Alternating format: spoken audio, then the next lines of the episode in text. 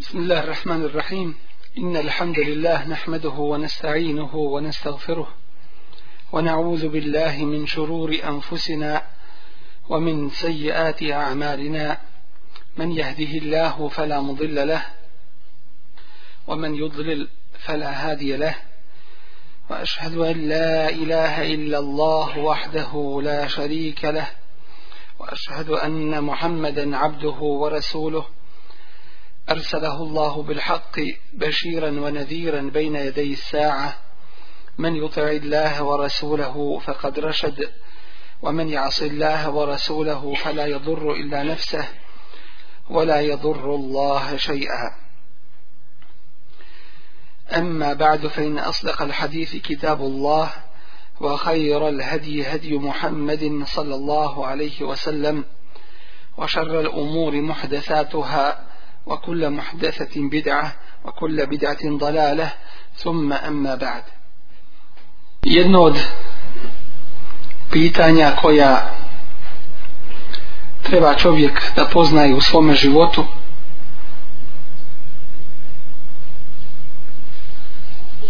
tako da ne možemo reći da nema čovjeka na koga se ovo ne odnosi to je pitanje tjeskobe zabrinutosti potištenosti kako se toga riješiti koji su uzroci da čovjek osjeti zadovoljstvo u svojim prsima kako da se sačuva te tjeskobe skobe stisnutosti prsa govor će biti inša Allah u ovom našem kazivanju nema sumnje da svako od nas u nekim trenucima svoga života nailazi na poteškoće uzvišen je Allah tabareke wa ta'ala je rekao za svoga poslanika alaihi salatu wa salam elem nešrah leke sadrak zar ti nismo tvoja prsa proširili u drugoj suri kaže وَلَسَوْفَ يُعْطِيكَ رَبُّكَ فَتَرْضَ i da će ti tvoj gospodar pa ćeš zadovoljan biti osjetit ćeš zadovoljstvo ima ljudi koji su neprestano cijelokupnog svoga života potišteni u jednoj tjeskobi mi ovom prilikom govorimo o takvima i govorimo o takvoj tjeskobi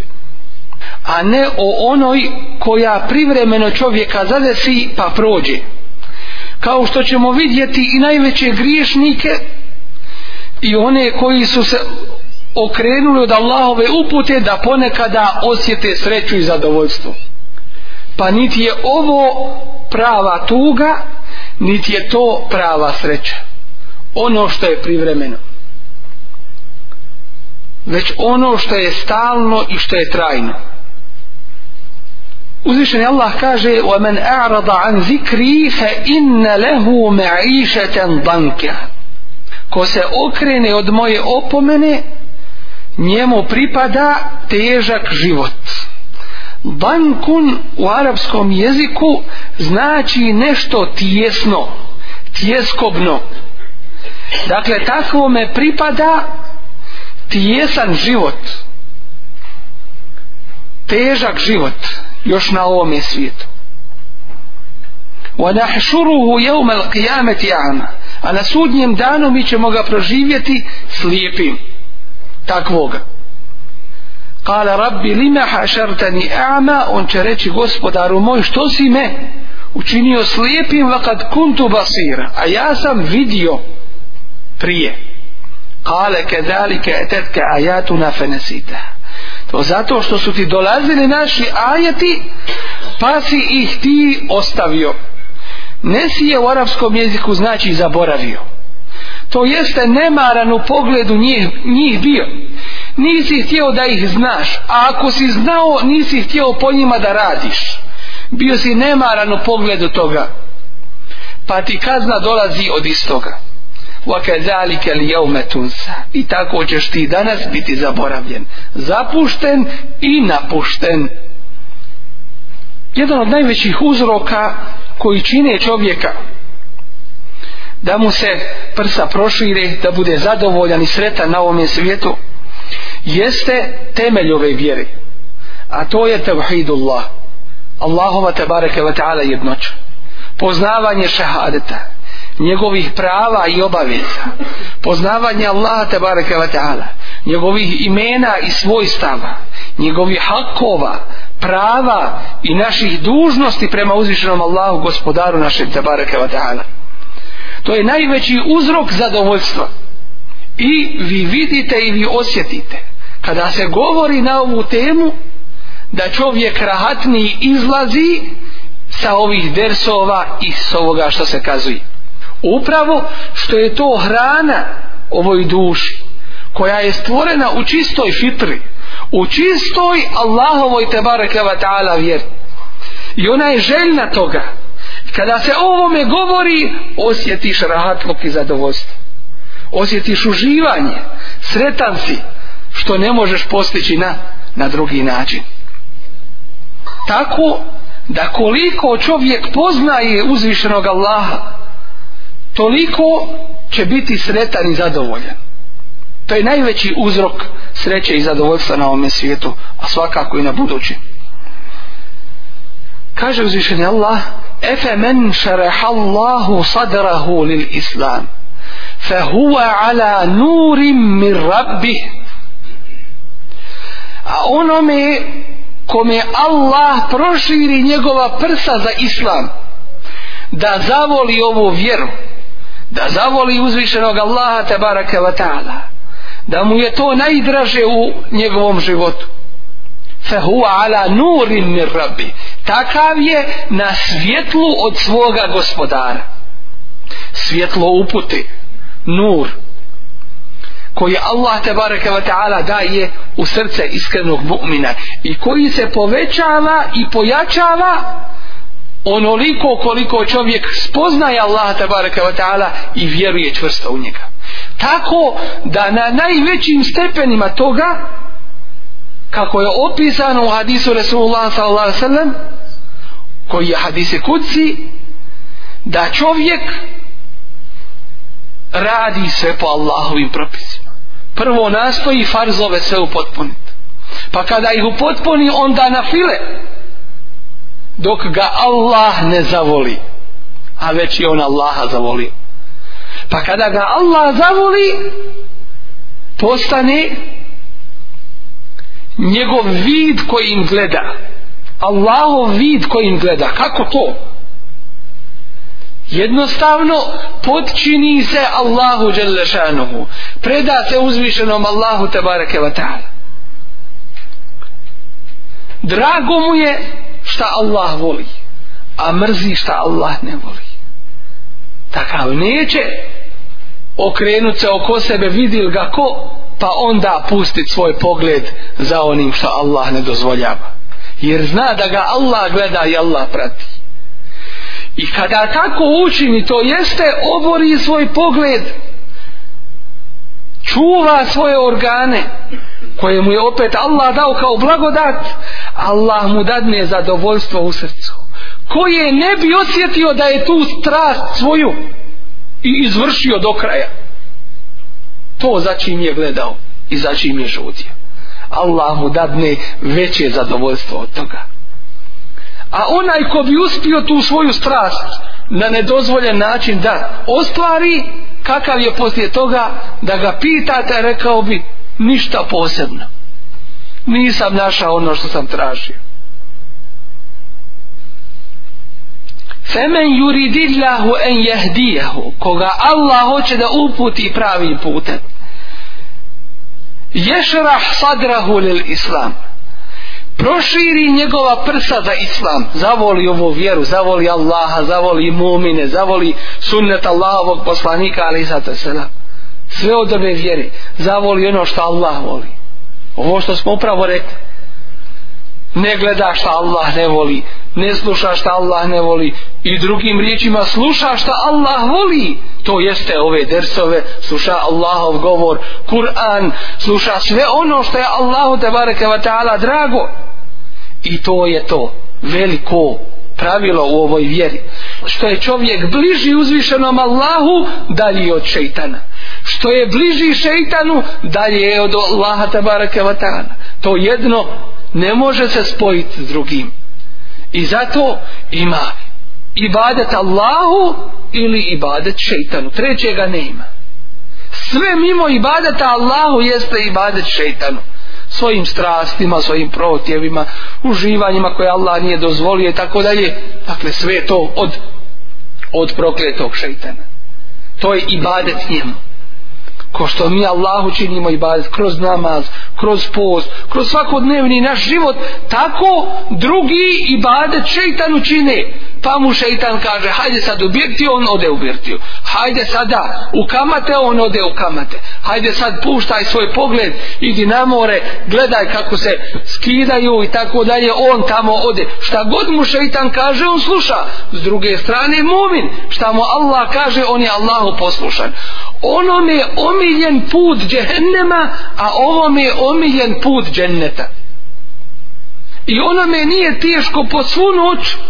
u mraku u dimu tancat za šeitana a ovom je nije teško Allah ne traži po svu noć jedan dio noći jer Allah je milostiv prema vama šeitan nije milostiv prema onima koji ga obožavaju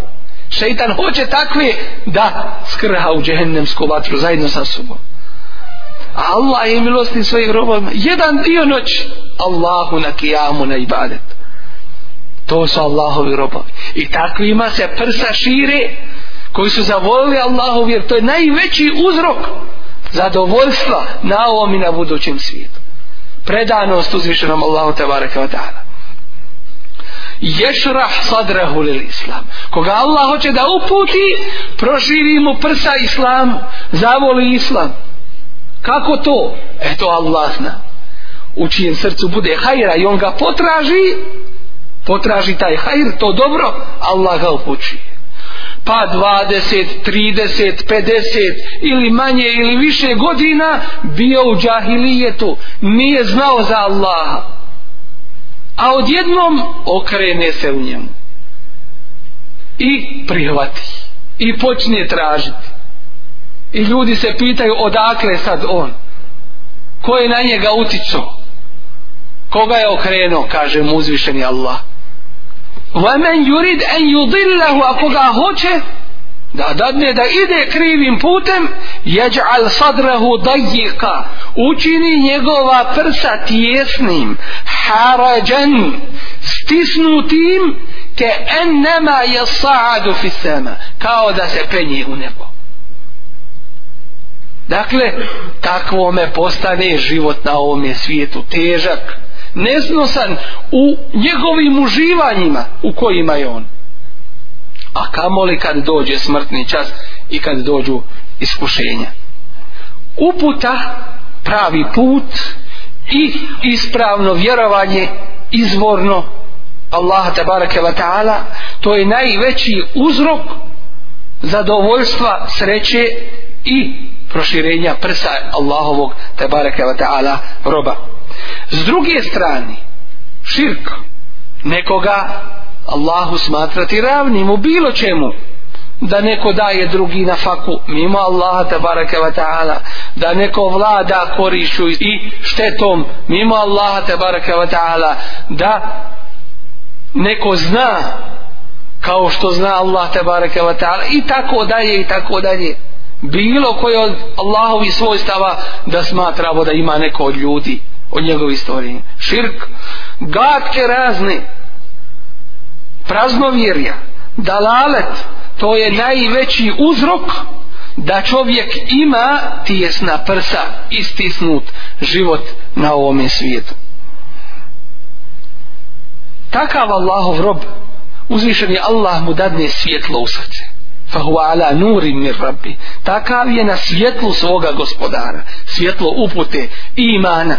koje se povećava činjenjem dobrih dijela a smanjuje činjenjem činjenjem griha i čovjek to osjeti na sebi kad prođe Ramazan kako si jači dođeš hađa Allahu akbar ili bilo koje dobro djelo da učiniš odmah si jači da su ljudi svjesni toga da se tu upravo dobiva sreća i, i zadovoljstvo. Kada se izgubi ovo svjetlo, svjetlo Allahove te bareke wa ta'ala upute, onda čovjek osjeti te tjeskobu u svome srcu, osjeti jednostavno da je u takvoj jednoj situaciji da smeta sam sebi, a kamoli drugim ljudima.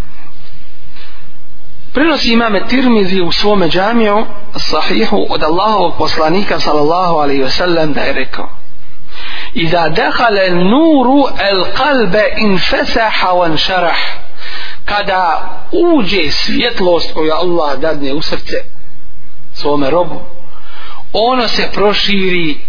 ono postane veće čovjek osjeti rahatluk i zadovoljstvo imana i zaista to ćete primijetiti vidi se na čovjeku vidi se na čovjeku i dobra djela i loša djela dakle kada čovjek radi dobra djela uzvišen je Allah tabaraka wa ta'ala mu to dadne i u srcu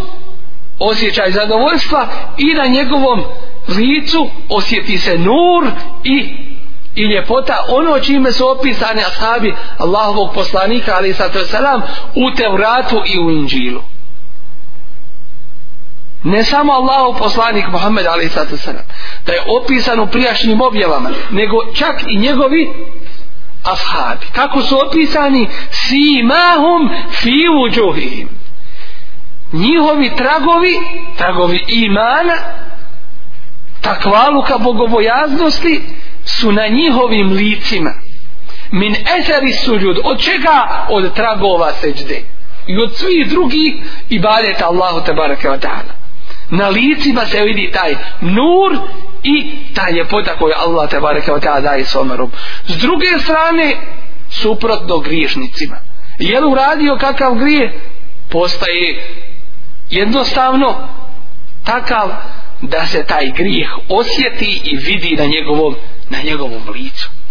Pa pitaju Allahovog poslanika sallallahu alaihi wa sallam Ma alametu zalike ja Resul Allah. Šta je znak toga Allaho poslaniće? Da Allah dadne nur, hidajet, svjetlost nekome u njegovo srce. Jer mi ne znamo šta je u srcu. A on kaže el inabetu ila daril hulud. Da bude privržen vječnoj kući. Šta znači da bude privržen vječnoj kući? šta radi na ovome svijetu nastoji da bude u ime Allaha u ime Allaha to jeste nije da bude ispravan i drugo da mu dijelo bude ispravno dakle da radi onako kako Allah traži kako je zadovoljan natječe se nastoji što više dobrih dijela da učini el inabetu znači predanost kući vječnoj to jeste ahiretu radi za budući svijet, sprema se, ne ostavlja dugove za tamo, nego ih ovdje reša među ljudima, bilo koje vrste hakova među ljudima i emaneta, ne ostavlja zahire, ovdje rješava to, priprema se, jer ne zna kad uđe u svoju kuću, hoće li ga na tabutu iznijeti, ne zna kad izađe, hoće li se ikad više u tu kuću svoju vratiti, I zato ne ostavlja te svoje dugove za to vrijeme, jer tada je već kasno. A posebno teobu, pokajanje. Ne dozvoli da ga šeitan prevari, jer šeitan odgađa, navodite na odgađanje. Imaš ti vremena, koliko li je ljudi još proživjelo i ti će živjeti pa ako ti šta bude ode malo u bolnicu pa ćeš se opet vratiti to su sve šeitanove vesvese a ne znaš koliko ti je propisano od toga pa kad ti dođe smrt hatta iza jae ahadahumul mevtu kale inni tubtulan kad mu dođe smrt on kaže Allahu ja sad te obe dolazim e sad je već kasno sad se te oba više ne prima gotovo je dalje kaže vatteđafi andaril gurur i nije privržen varljivoj kući koja je varljiva kuća ovo svjetska dunjaluku ne da da ga dunjaluk zavara i, i da ga prevari wal istiadadu lil mauti qabla nuzulihi i priprema se za smrt prije nego što mu dođe jer to je neminovno iako vjerujemo a vjerujemo i ne sumnjamo u to valja se za to pripremati valja se pripremati za to vallahi ni će tvoj sin ni tvoja kći ni tvoja žena ni tvoj otac ni tvoja mati koliko god žalili za tobom neće niko leći na mjesto tebe u tvoj tabor da te tu zamijeni ti ode sam ko što si sam došao na ovaj svijet sam ćeš s njega i otići i sam ćeš na kijametskom danu polagat račun za ono što si radio pa se za to pripremi ako vjeruješ u to a ako ne vjeruješ i sumnjaš jer i sumnja je nevjerovanje onda ostavi zahiret pa ćeš tamo vidjeti je ume teškasul ebsar na dan kada se pogledi u koči od muke kada neka lica te svodovuđu počrne od muke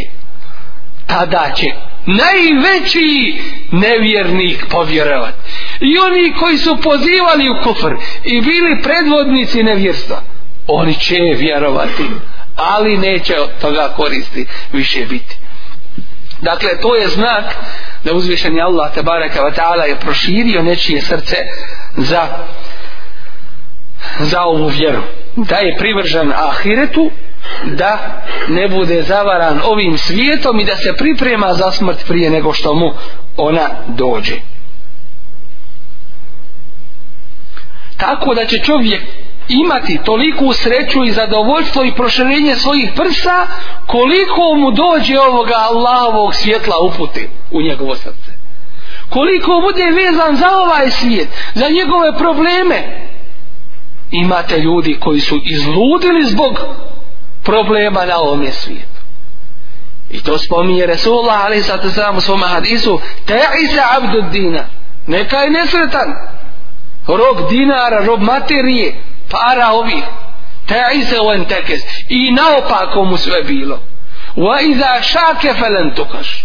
čak kad se ubode na trn ne mogu ga izvaditi to jeste i najmanji problem bo bio svjetski problem ne mogu ga riješiti nikad zašto? jer je postao rob nekog drugog mimo Allaha te bareke wa ta'ala i tako je, tako je u životu ako mi bude briga ahiret takvome problemi ovoga svijeta budu olakšani da je ne znam kakav od uzroka koji čine čovjeka zadovoljnim rahati koji mu šire njegova prsa jeste znanje koje proširuje ljudsko srce i njegova prsa suprotno tome je džehl neznanje jer je džehl u stvari tmine uzvišenje Allah kaže Allahu veliju allazina amanu yukhrijuhum min al-zulumati ila nur Allah je zaštitnik mu'mina koje izvodi iz tmina na svjetlo والذين كفروا او نكون يروي اولياؤهم الطاغوت njihov zaštitnik a može li im biti zaštitnik je to im je dušman njihov je tagut jeste šeitan bilo od ljudi bilo od džina yukhrijunahum minan minan nur ila zuluma sa svjetla u tmine tako i ljudsko srce i ljudska prsa koliko zna ovoga znanja islamskog o ovoj vjeri toliko mu se prsa proširi i toliko je zadovoljan i sretan i što više nauči sve je sretniji i zadovoljniji što ne zna toliko ga pritisne ta tjeskova i toliko bude u nesreći još na ovom svijetu normalno da ovdje nije govor opet napominjem o bilo kakvome ilumu, o bilo kakvome znanju već je govor o islamskome znanju, znanju koje je naslijeđeno od Allahovog poslanika Muhammeda sallallahu alaihi ve sellem, a to je to korisno znanje, tako da posjednici toga znanja su najproširenijih prsa i srca najboljeg ahlaka i najljepšeg života na ovome svijetu bez obzira na poteškoće koje im dolaze iskušenja ali potome se ne mjeri po ovome materijalnom se ne mjeri zadovoljstvo i sreća i rahatluk na ovome svijetu od uzroka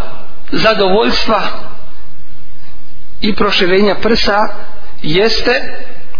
da čovjek bude predan uzvišenom Allahu te baraka wa ta'ala i da ga zavoli svim svojim srcem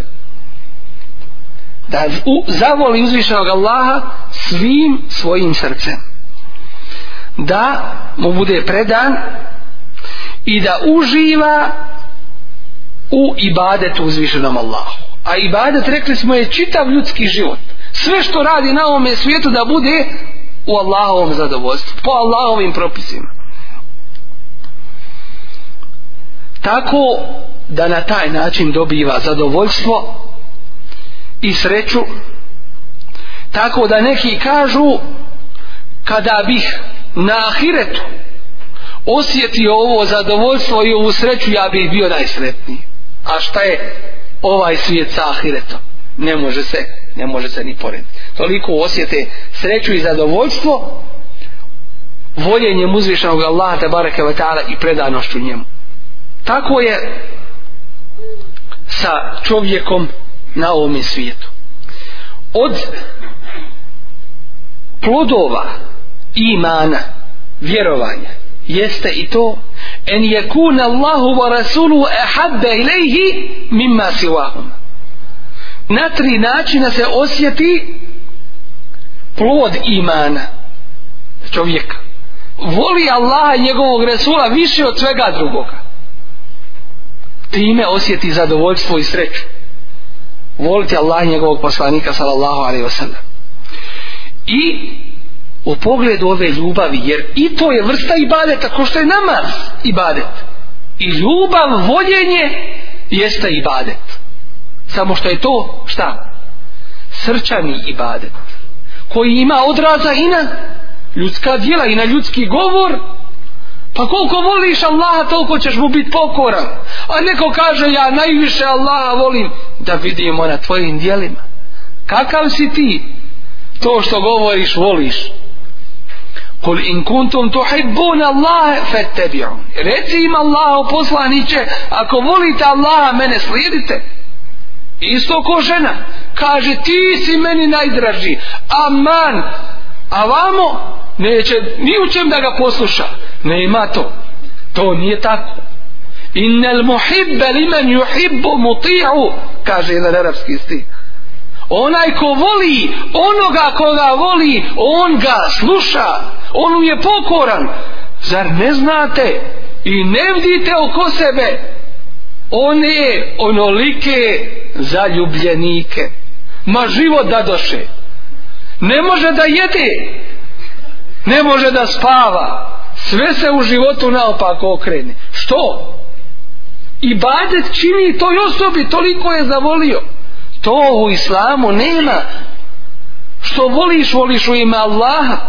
normalno ima stvari koje su ti drage na ovome svijetu, ali ne smije se prelaziti granica ni u kome slučaju. وَمِنَ النَّاسِ مَنْ يَتَّغِذُ مِنْ دُونِ اللَّهِ أَنْدَادًا Ima ljudi koji uzimaju mimo Allaha božanstva. U čemu ih uzimaju kao božanstva? يُحِبُّونَهُمْ كَحُبِّ اللَّهِ Vole ih kao što Allaha vole. Vole u toj ljubavi se osjeća to u ime te ljubavi prekršit će Allahov zakon ogleda se i vidi se i mjeri se ko je preči što su ashabi davali svoj život za Allahovog poslanika ali sad sam i za ovu vjeru zašto? zato što su je volili ovu vjeru iz nasvoga srca davali su sve od sebe i svoj imetak i svoj život i svoje vrijeme i svoj trud sve na Allahovom putu tu se pokazuje ta ljubav i iskrenost a od ovoga na riječima ja te volim a ti svoj posao od te ljubavi se ne živi od toga fajde nema nikakve to je lažna ljubav dok je interesa dotle i te ljubavi kasnije imaju starački domovi ima šta hoćeš na dunjaluku zašto? zato što to nije u ime Allaha bilo upravo ta ljubav yuhibbunahum ka hubbillah uzeli su ta svoja božanstva mimo Allaha da ih vjeruju u čemu u toj ljubavi daju sve za to والذين آمنوا a oni koji vjeruju ispravno, iskreno, izvorno kako treba ešeddu hubbe lilla Allaha najviše vole i zato prijašnjim generacijama kad se kaže Allah srce mu zatreperi ne može ostati da suzu ne pusti no čim danas govorio ne govorio velikoj većini sve jedno je zato što su srca otvrdla griješenjem i grijesima gdje su te prve generacije koje su i za zukir Allahu veđilet kulubuhum kada se Allah spominje njihova srca ustrepere ne mogu ostati ravnodušni وَإِذَا تُلِيَتْ عَلَيْهِمْ آيَاتُهُ A kada im se uče njegovi ajeti, zadetuhum imana, poveća im se njihov iman. وَعَلَى رَبِّهِمْ يَتَوَكَّلُونَ I oni se oslone na svoga gospodara. Dakle, tu se pokazuje prava ljubav, da ti je Allah najpreći i najdraži. Dakle, prema toj ljubavi, prema toj opredjeljenosti na ovome još svijetu, ljudska dijela su podčinjena. Dakle, ono što čovjek voli i za čim žudi, zatim će i raditi i nastojati da to ostvari. Da se žrtvuje za to. Pa čak i napor i poteškoća na tome putu je slatka i draga ljudi koji su ime Allaha zatvarani bili proganjani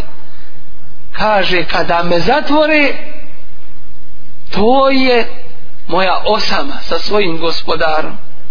rahat sam od ljudi da Allaha spominjem da mislim na njega kad me protjeraju to je putovanje na Allahovom put nema šta da izgubi isto tako onaj koji obožava nekoga mimo Allaha pati se u mukama, ali kaže drago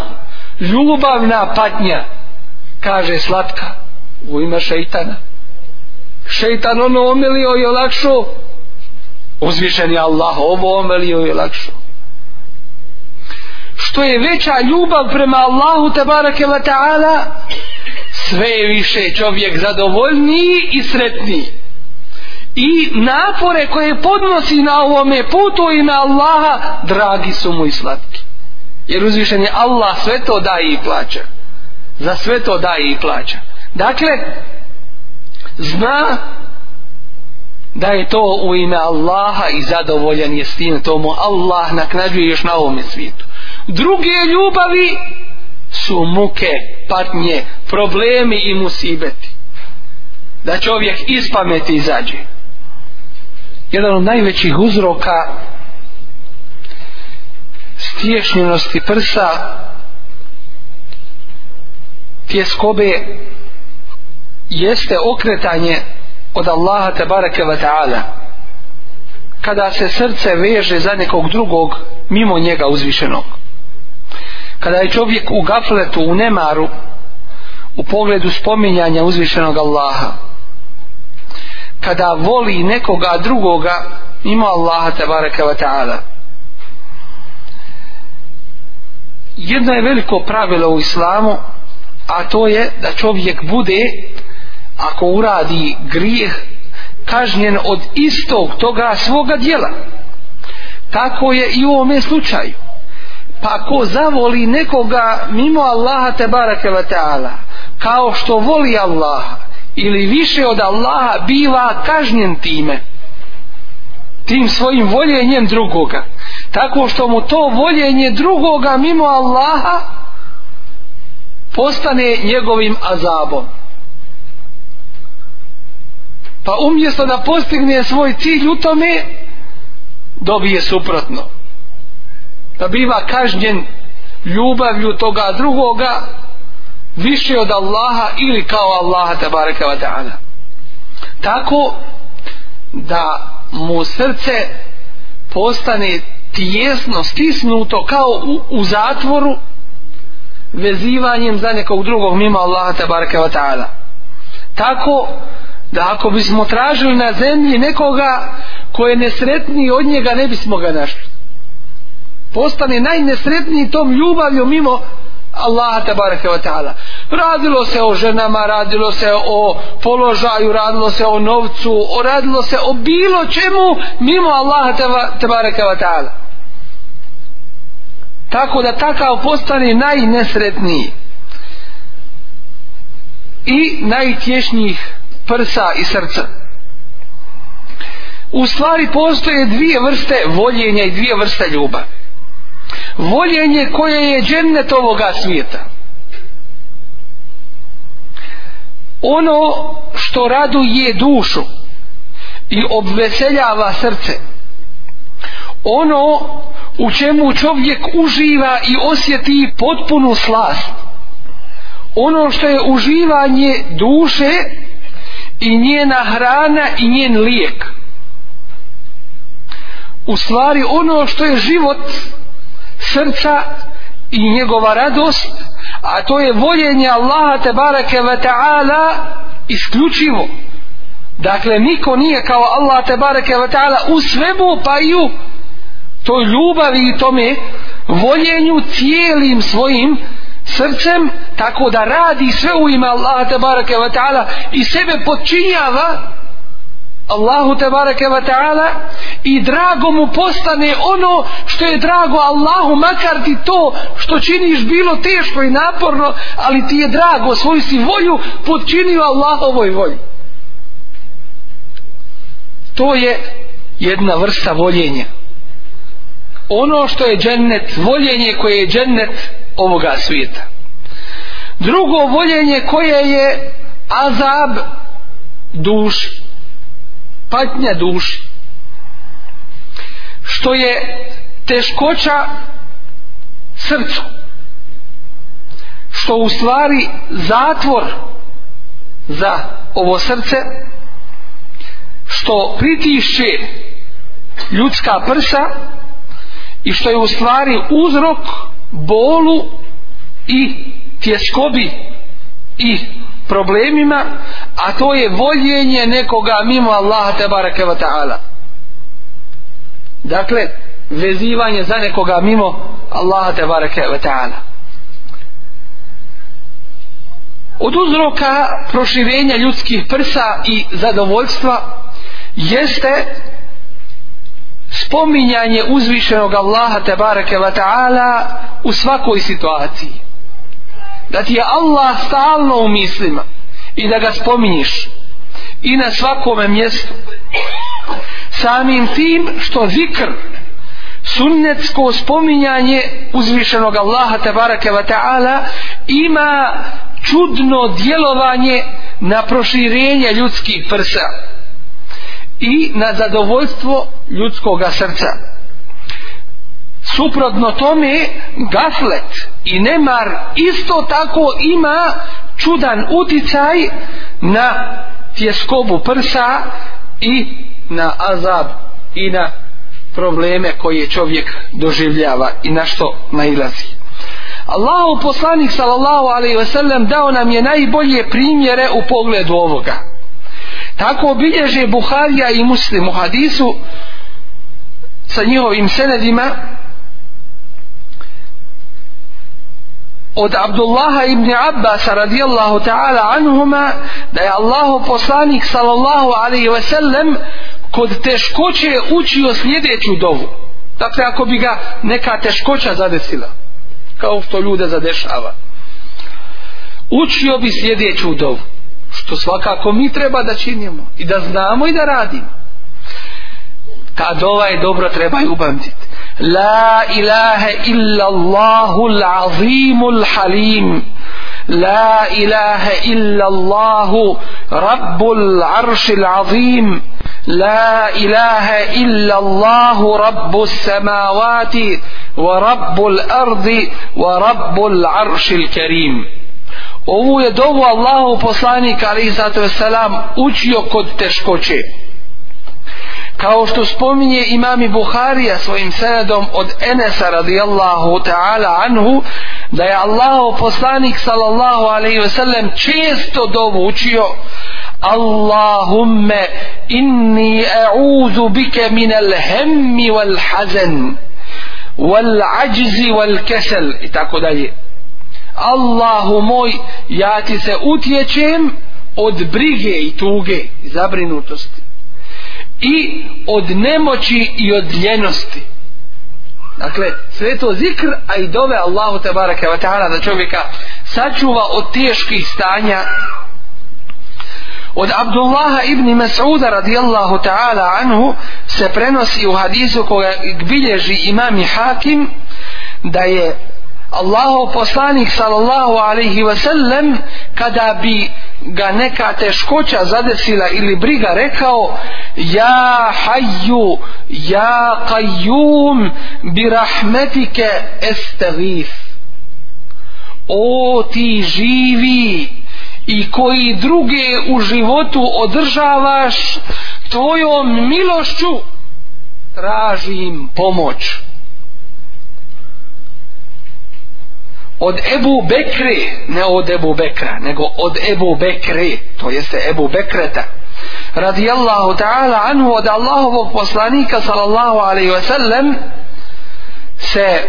prenosi u hadisu kojeg bilježi Ebu Davud i Ibni Hibban, da je prilikom teškoća učio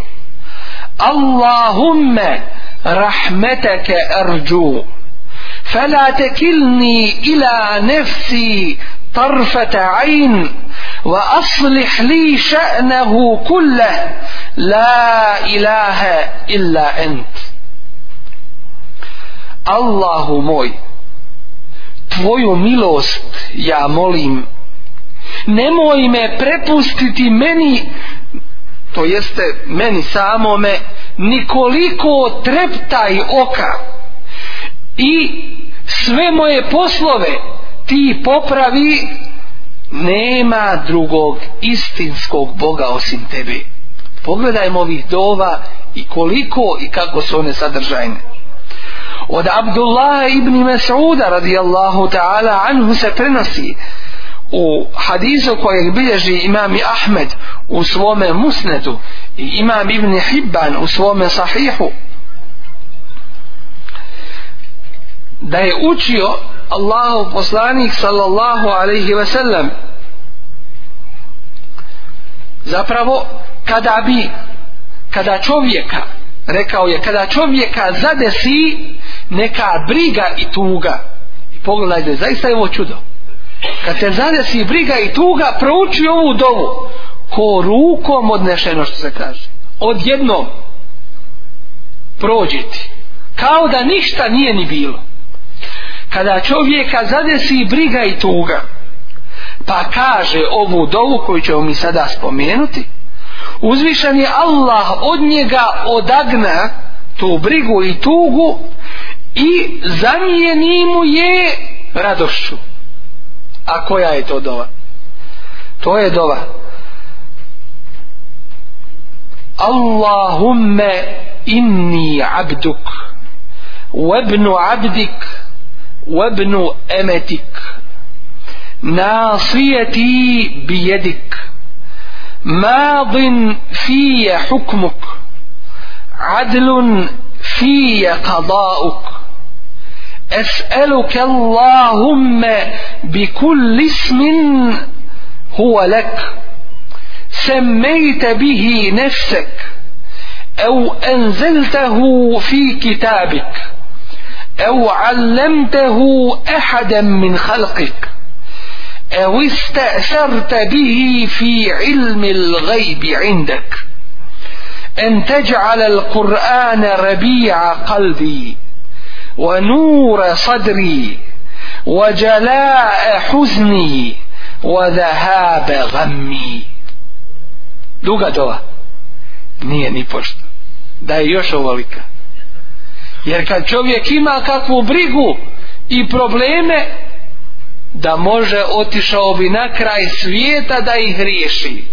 kod onoga komu može pomoć a Allah uzvišeni sigurno da može i njemu se treba obraditi kaže u ovoj dovi Resulullah sallallahu alaihi wa sallam Allahumme inni abduk Allahu moj, ja sam tvoj rob i sin tvoga roba i sin tvoje robinje. Moj život je u tvojoj ruci. U pogledu mene ostvaruje se odredba tvoja. Pravedno je ono što si ti u pogledu mene ostvaruje dosudio molim te svakim tvojim imenom kojim si sebe nazvao ili si ga objavio u svojoj knjizi ili si ga poučio nekome nekoga od svojih robova ili si ga zadržao u znanju gajba nepoznatog za nas kod sebe da učiniš Kur'an proljećem srca moga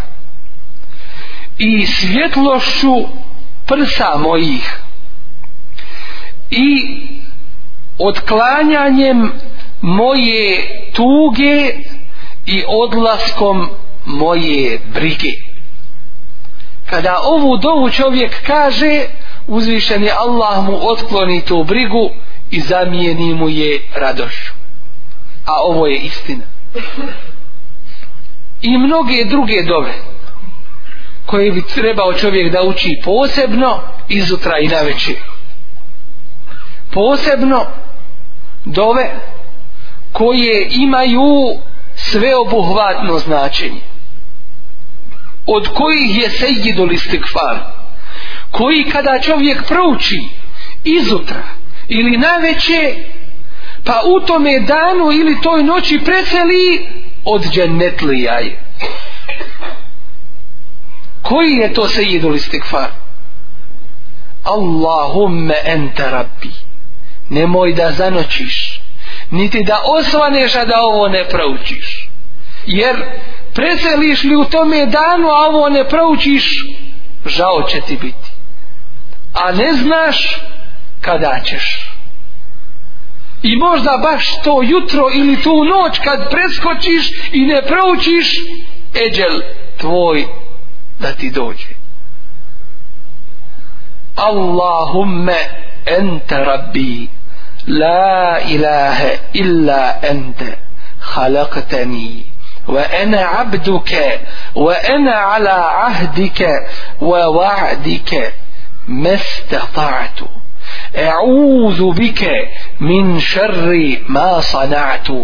أبوء لك بنعمتك علي وأبوء بذنبي فاغفر لي فإنه لا يغفر الذنوب إلا أنت to je ta doba a šta znači ko će nam prevesti Allahu moj ti si moj gospodar nema drugog istinskog Boga osim tebe ti si me stvorio a ja sam tvoj rob ja sam pod ugovorom s tobom i obećanjem nisam mogao nisam ga ispunio priznajem tvoje blagodati koje si mi dao i priznajem grije svoj pa mi oprosti jer niko drugi ne oprašta osim tebi dakle pogledajmo to koja su to značenja i koje su to dove i koje su to vrijednosti da čovjek kaže subhanallahi wa bihamdihi subhanallahi l'azim dvije riječi koje šta koje su lahke na jeziku nikoga nismo vidjeli da mu se jezik umorio pa da kaže evo Allah hoću sad jezik da odmorim da se sve umori jezik neće lahke na jeziku teške na mizanu na mizan Tereziji a drage uzvišenom Allahu hafifetani ala lisan thakiletani ala mizan habibetani inda rahman koje su to subhanallahi wa bihamdihi subhanallahi l'azim jel to teško učiti ali nema čovjek vremena od novina od televizije od reklama od čaršije od cijeloga svijeta ne ima koristi kad dođe na ahiret da milion puta to kaže gotovo je više se ne pišu dobra djela dakle treba iskoristiti posebna posebna vremena o tome smo govorili posebno pred saba zadnja trećina noći i posebno nakon sabah namaza do izlaska sunca kada se dijeli Allahov rahmet i bereket njegova nafaka i risk bereket ovome ummetu je dat na početku dana pa onda predveći pa onda لا إله إلا الله وحده لا شريك له له الملك وله الحمد وهو على كل شيء قدير ستين بوتا نيجا نيكو نسوني دان دوشي سابولين ديالما od onoga koji je to rekao taj dan stotinu puta osim onaj ko kaže stotinu puta i još više od njega koliko tih dova ima svako bi uz nas u sebe trebao od nas u sebe trebao da ima knjižicu dova hisnul muslim napominjem sunnetskih dova ne čovjek što je sjeo pa pisao od sebe nego ono što je učio Allah o poslanik ali jer ako to primjeni što ti je dovoljno ne treba ti mimo toga a da uzmiješ ono što su ljudi izmišljali a ostaviš ono što je Resul ali sad sam učio to je pogrešno nego ono što je propisano i kako treba dakle to šire ljudska prsa to čini čovjeka radosnim i i zadovoljni. A sigurno onaj ko zabavi svoj jezik hajrom, neće ga njegov jezik zabaviti šerrom, jer koliko je glava otišla, da ne kažem koliko ih je zabolilo zbog jezika. A sam hadis kaže, a zar nešto drugo baca ljude u džennemsku vatru, osim ono što zarade ljudski jezici kad je pitao Muaz ibn Džebel radijallahu an Allaho poslaniće zar ćemo mi biti pitani za ono što naš jezik govori a onda mu ono a šta drugo ljude baca u džennemsku vatru dakle najviše ljudski jezici pa ako ga ti hajrom ne zabaviš zabavit će on tebe šerom a moraš za to sve odgovarat i polagat za to računat od stvari koje proširuju ljudska prsa i čine ih zadovoljnim i sretnim jesu dobra djela što više čovjek radi dobrih djela sve više je sretni i zadovoljni samo da su to Bog do ljudi toga svjesni nego učini neko dobro djelo i osjeti zadovoljstvo i zaboravi to a kad bi tako radio stalno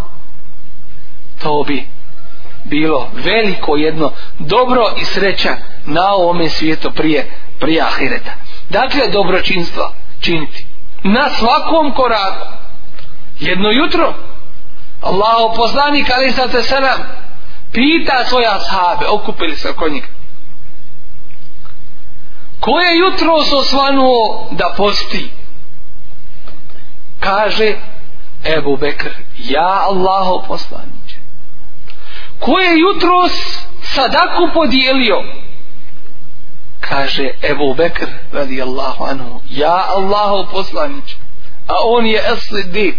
istinu govori i istinu potvrđuje ko je jutro od vas pratio dženazu jutro još uvijek kaže ja Allahu poslaniće kaže Allahu poslanik ali sad ko bude od onih koji su udjeljivali dakle to mu Allah olakšao i omilio pa je udjeljivo bit će pozvan sa tih džennetskih vrata sa vrata dženneta koja su određena za one koji su udjeljivali u ima Allah ko bude postio bit će s tih vrata pozvan i tako dalje osam je džennetskih vrata A pita Ebu Bekr radijallahu anhu, Allahov poslaniće, može li se desiti da neko bude pozvan sa svih osam džennetskih vrata? Pogledaj, interesovanje za hajr. I dobro, kaže, može, a ja se nadam da ćeš to ti biti. Ebu Bekr radijallahu anhu. Dakle, natjecanje u svakome dobru, kada god ti se pruži prilika dobro je ako ga ne možeš učiniti da drugom ukažeš na dobro da ništa drugo vala bi lijepo bilo to da učinimo a ti ne možeš jer onaj ko ukaže na dobro kao da ga je i sam učinio a kamo li ako ga još s tobom uradiš i to je zaista među ljudima prisutno onaj ko se zabavi hajracima i dobrim dijelima Allah mu proširi njegova srca i otkloni njegove brige i probleme doći onaj ko se zabavi ovim svijetom nek znate da niko ovaj svijet stigao nije svako je s njega izašao praznih ruku jedan je kod nas spominju uhvatio se za buku kaže nećeš duše biva ne dam ja svoje duše ko te pita opaco se snagom pa misli ne može mu melek uzeti dušu hoćeš, hoćeš i pita nećeš biti dakle ko se zabavi ovim svijetom pogledajmo samo oko sebe ja dođe, ja ne dođe na namaz ako dođe, klanja i na vrata leti u stalnoj brizi kako ti je uh da, da, da Allah sačuva iz musibeta u musibet zašto to tako je naša briga ova ili budući svijet brinemo se kako ćemo hesab kako ćemo račun položiti pred Allahom Đelešanu najveći stepen mumina koji su zadovoljni Allahovim kaderom da smo mi toga svjesni. Zadesio te nekakav musibet. Inna lillahi wa inna ilaihi rađu. Allahovi smo njemu se vraćali. Da si zadovoljan time. Jer ti je to ili čišćenje grijeha ili povećanje tvoje deređe. Dakle, Allah ti hoće samo dobro. Dobročinstvo činiti na svakome koraku. Allahovim stvorenjima koristiti ljudima svojim imetkom svojim ugledom posredovanjem među njima i s drugim svim vrstama dobročinstva onaj ko čini dobročinstva on je najsretniji i najzadovoljniji zadovoljniji je onaj ko čini dobročinstva drugima time što mu je Allah i zahvalan je što mu je Allah pružio mogućnost i priliku da učini kakav hajrat nego da je neko njemu to učinio zadovoljen, rad tim Allah mu dao još na ovome svijetu zamjenu zato što je on učinio to pa mu je dao veće nego to što je on tome čovjeku učinio zadovoljstvo a to parama ne bi mogao kupiti to se ne prodaje ni u kakvom dućanu to samo dobrim dijelima i imanom se povećava i zato su takvi najsretniji najzadovoljniji najboljih osjećaja i srca suprotno tome navedimo jedan primjer škrtac jedan mnogi hadis spominju da će ljudi pred kraj ovoga svijeta da će ih uništiti šta? škrtost, sebičluk. A je sam kaže, o men ju ka šuha nefsi fa ulajke, omol muflihun. Ko bude sačuvan svoje škrtosti, sebičluka, takav je spašen. To su oni koji su spašeni. Tvrdica je najtješnijih prsa i najnesretnijih života do te mjere da ima onih koji žale na sebe potrošiti žali od sebe a kako bi tek od ostaloga svijeta takvi su najvećih briga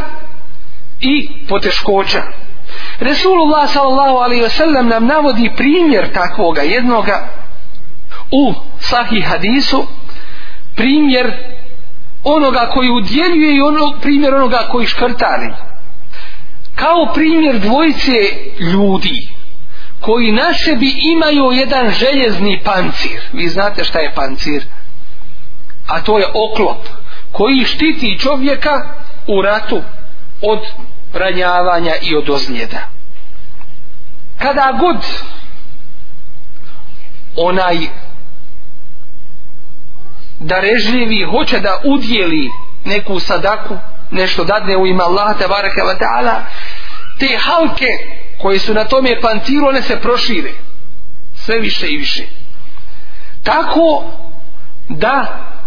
se oslobodi toga oklopa izađe iz toga iz te tjeskobe a onaj koji je tvrdica kada pomisli da dadne sadaku onda mu se te halke još više stjesne pribiju se uz njega i ne prošire se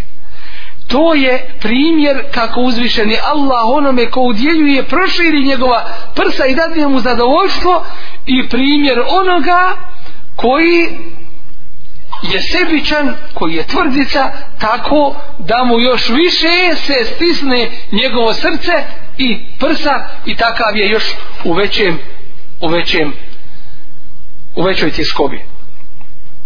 Ista, isti slučaj još jedan primjer je sa onim koji je hrabar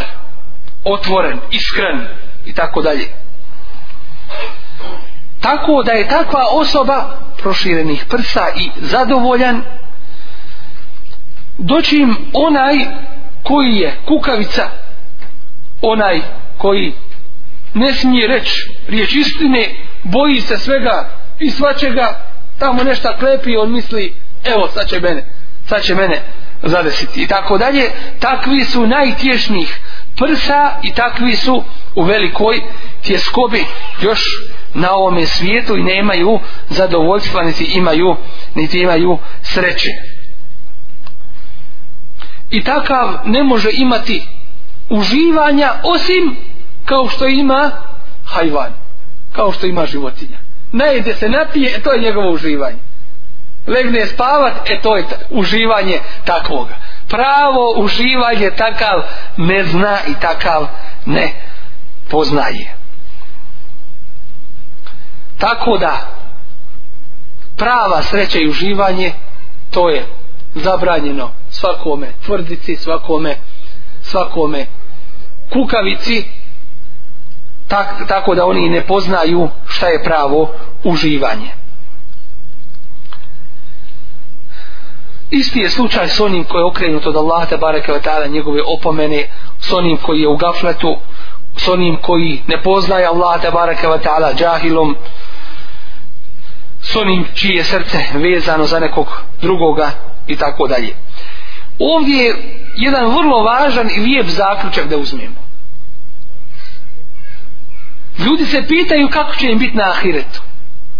postavlja se to pitanje kako možemo znati i prije ahireta kako će kom je biti u kaboru poznati islamski učenjak Ibn Qayyim rahimahullah ta'ala koji je poznat po pisanju na ove teme kaže u pogledu ovoga ovo zadovoljstvo i ovo uživanje srca se prenosi u kabor dakle onako kako čovjek osjeti u svome srcu i svojim prsima zadovoljstvo Allahom te bareke vatala i njegovom vjerom i pokornošću to se prenosi s njim u kabor pa postaje njegovim džennetom ili njegovim džehennemom još u kaboru tako da ta tjeskoba ta pritješnjenost koju je osjećao u srcu i prsima na ovome svijetu mu se pretvara u azab i zatvor u kaboru tako da je stanje čovjeka u kaboru kao njegovo stanje srca u njegovim prsima radilo se to o uživanju ili o azabu u kome se nađe o zatvorenosti ili slobodi s tim što se ne uzima u obzir to što čovjek nekada bude zabrinut i utjeskovi niti se uzima u obzir to što onaj drugi bude nekada u prividnom zadovoljstvu i sreći već je pouka u tome što je čovjek u onome u čemu je u većini svojih stanja na ovome svijetu i u stvarnosti sreće i u stvarnosti nesreće i tjeskobi od uzroka zadovoljstva čovjeka sreće i proširenja prsa na ovome svijetu jeste da čovjek iz svojih prsa izbaci svaku vrstu zla zlobe, nevaljavštine koja pored dobrih dijela koja radi čine da čovjek bude tjeskobnog srca i prsa ne može jedno uz drugo pa ako to što je u prsima prevlada od vezano za zlo zlobu, nevaljavštine i tako dalje ako to prevlada tako će biti i srce toga čovjeka. A ako prevlada dobročinstvo, bogobojaznost, iman, takvaluk, ljubav prema Allahu te bareke ve taala, njegovo spominjanje i tako dalje, prevladaće i osjetit će toliko i i sreće. Ali da bi osjetio potpunu sreću i zadovoljstvo, mora iz svojih prsa izbaciti zlobu i sve vrste nevaljavština. Jer s jedne strane spominjati Allaha, a s druge strane, e što li on ima, a ja ne imam savist, zloba i tako dalje, ne može to jedno uz drugo, pa šta pretegne šta prevagne, tako će čovjek i osjetiti u svome srcu. Zatim, s ovim ćemo završiti ovu temu, da čovjek osjeti zapravo da čovjek napusti višak govora ono što je nepotrebno više ne govorimo o haramima to je jasno višak govora što će govor besposlen bez potreba kad odgovarat ćeš samo za njega ko puno priča puno puno i griješi kako je danas vrijeme jel ovo jel ono satima vrijeme te vrućine te pa št, kako god je šta ima to veze ali ljudi daj nešto priča da se nečim zabaviti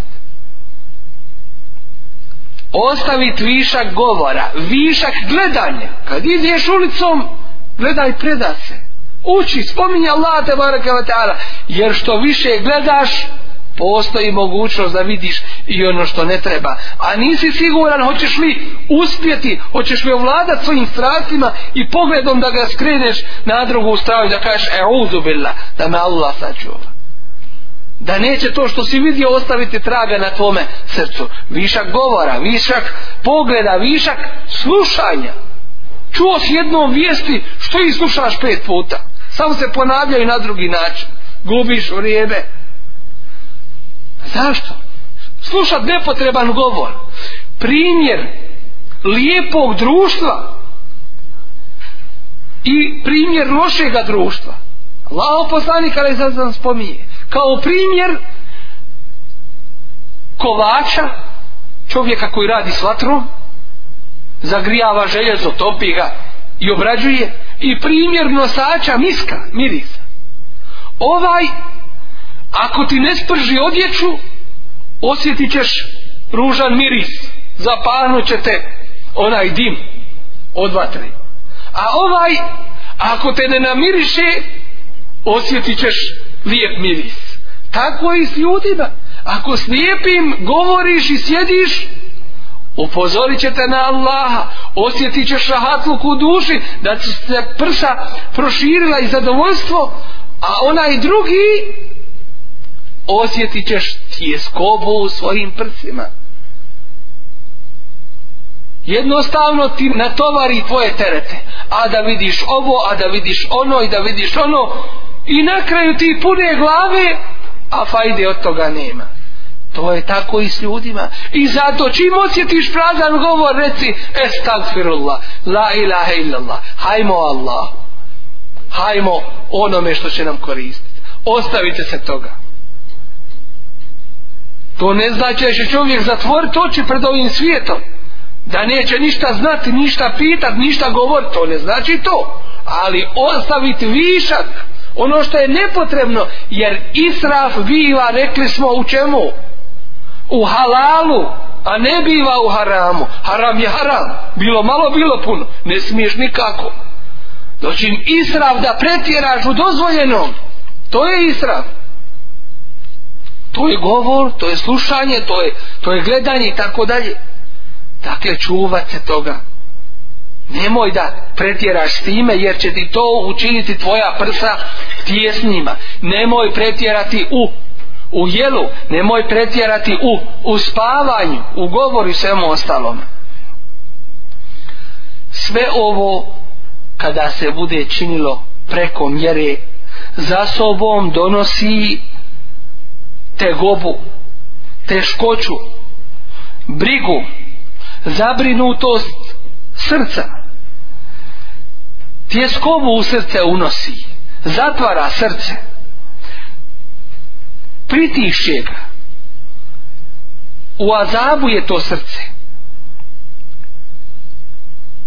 i većina ovo svjetskog i ono svjetskog azaba je upravo od toga od tih, od tih vrsta gdje je čovjek bez kontrole pustio da rade oči, da rade uši, da radi jezik i tako dalje i to mu je samo donijelo brige, musibete i, i probleme. Umjesto ove blagodati da zahvali Allahu na njima i upotrijebi je Allahu u pokornosti, on prelazi s njima granice pa će ga ti njegovi organi optuživati na sudnjem danu. Čovjek kada vidi kolike blagodati i koliko dobro uzvišeni Allah daje mominima onima koji su činili dobra djela počeće će lagat pa će re vallahi Allahu postio sam, klanio sam, sve sam ja to radio a ništa nije tako će reći čovjek na sudnjem danu a Allah mu kaže hoćeš li da uspostavim dokaz protiv tebe čovječe a čovjek kaže taj Allahu ja ne priznajem svjedoka mimo samoga sebe nikoga mimo samog sebe ne priznajem kao svjedoka a jesi li zadovoljan da ti budeš svjedokom kaže jesam e onda mu Allah zapečati usta i onda počinje govorit njegovo tijelo njegove ruke, njegove noge sve u njegovom tijelu sve šta je radio a on ne može ništa prozborit ne može reći šutite pa kad kažu šta su imali onda mu se pusti da može govoriti i onda on kaže prokleti bili, proklinje sam sebe. Zašto to činite? Ja sam samo vas branio. Kaže, a oni će odgovoriti Entakan Allah. Allah je dao da progovorimo. Ellezi empaka kulle šeji, koji je dao sve da progovori. Drvo, kamen, zemlja, sve govori. Onaj koji je dao, da ovaj komad mesa u tvojim ustima govori, tako će dat i sve da progovori. Pa se čuvaj onda i pripremi za taj dan. I zaista je ovdje velika pouka kako je tjesnih prsa, u kakvoj tjeskobi je onaj koji hoće od svega da proba, pomalo ili popuno. Svega hoće uživanja da okusi. Ništa da mu od ovoga svijeta ne prođe i ne promakne. Kako je u njega i kolika je u njega tjeskoba? U kakvom je on tjesnome životu i kakvome teškom i ružnome stanju. S druge strane, kako li je sretan? Svaki onaj koji je u svakome dobru nastojao da ima udjela. Od svakog tog dobra Allah mu je dao sreću i zadovoljstvo. Onaj koji se brinu o Allahovim propisima, da li će ih kako treba izvršiti na vrijeme, da li će Allah to od njega primiti i biti od njega zadovoljan. Svaki od te dvije skupine imaće svoj udio, kaže uzvišeni innel ebrare lefine im. Dobročinitelji su u uživanju a za druge kaže wa innal fujjara la fi jahim a griješnici su u džehennemu svako će od njih imati svoj udio kako na ome tako i na tako i na budućim svijetu ono što bismo trebali uzeti sebi za primjer za pravilo i osnovu jeste da je Allahov poslanik Muhammed sallallahu alaihi ve sellem bio najpotpunije Allahovo stvorenje u pogledu svih ovih pohvalnih pohvaljenih svojstava koje čine ljudska srca i prsa sretnim i zadovoljnim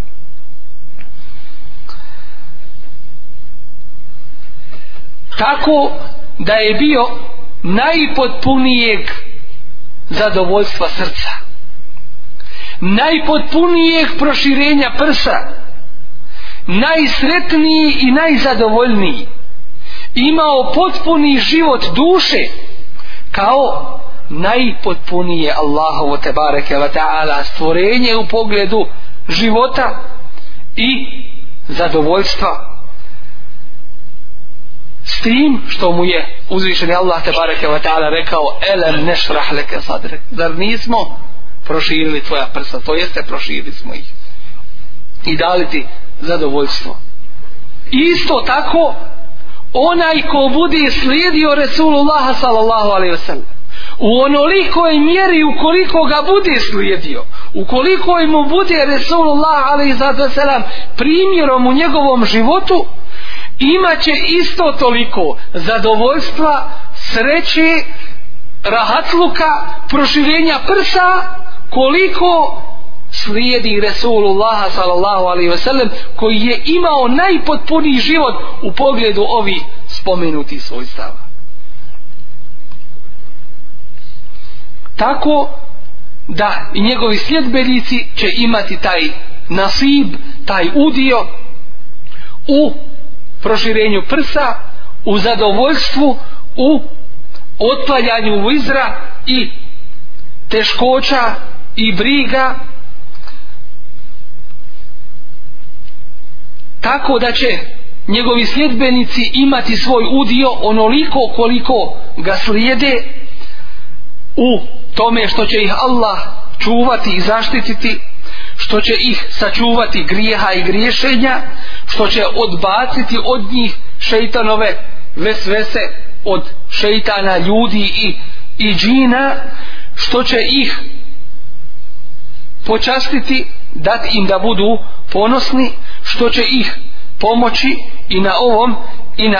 budućem svijetu dakle jednom riječju koliko budu slijedili Resulullaha sallallahu alaihi ve sellem toliko će imati od ovoga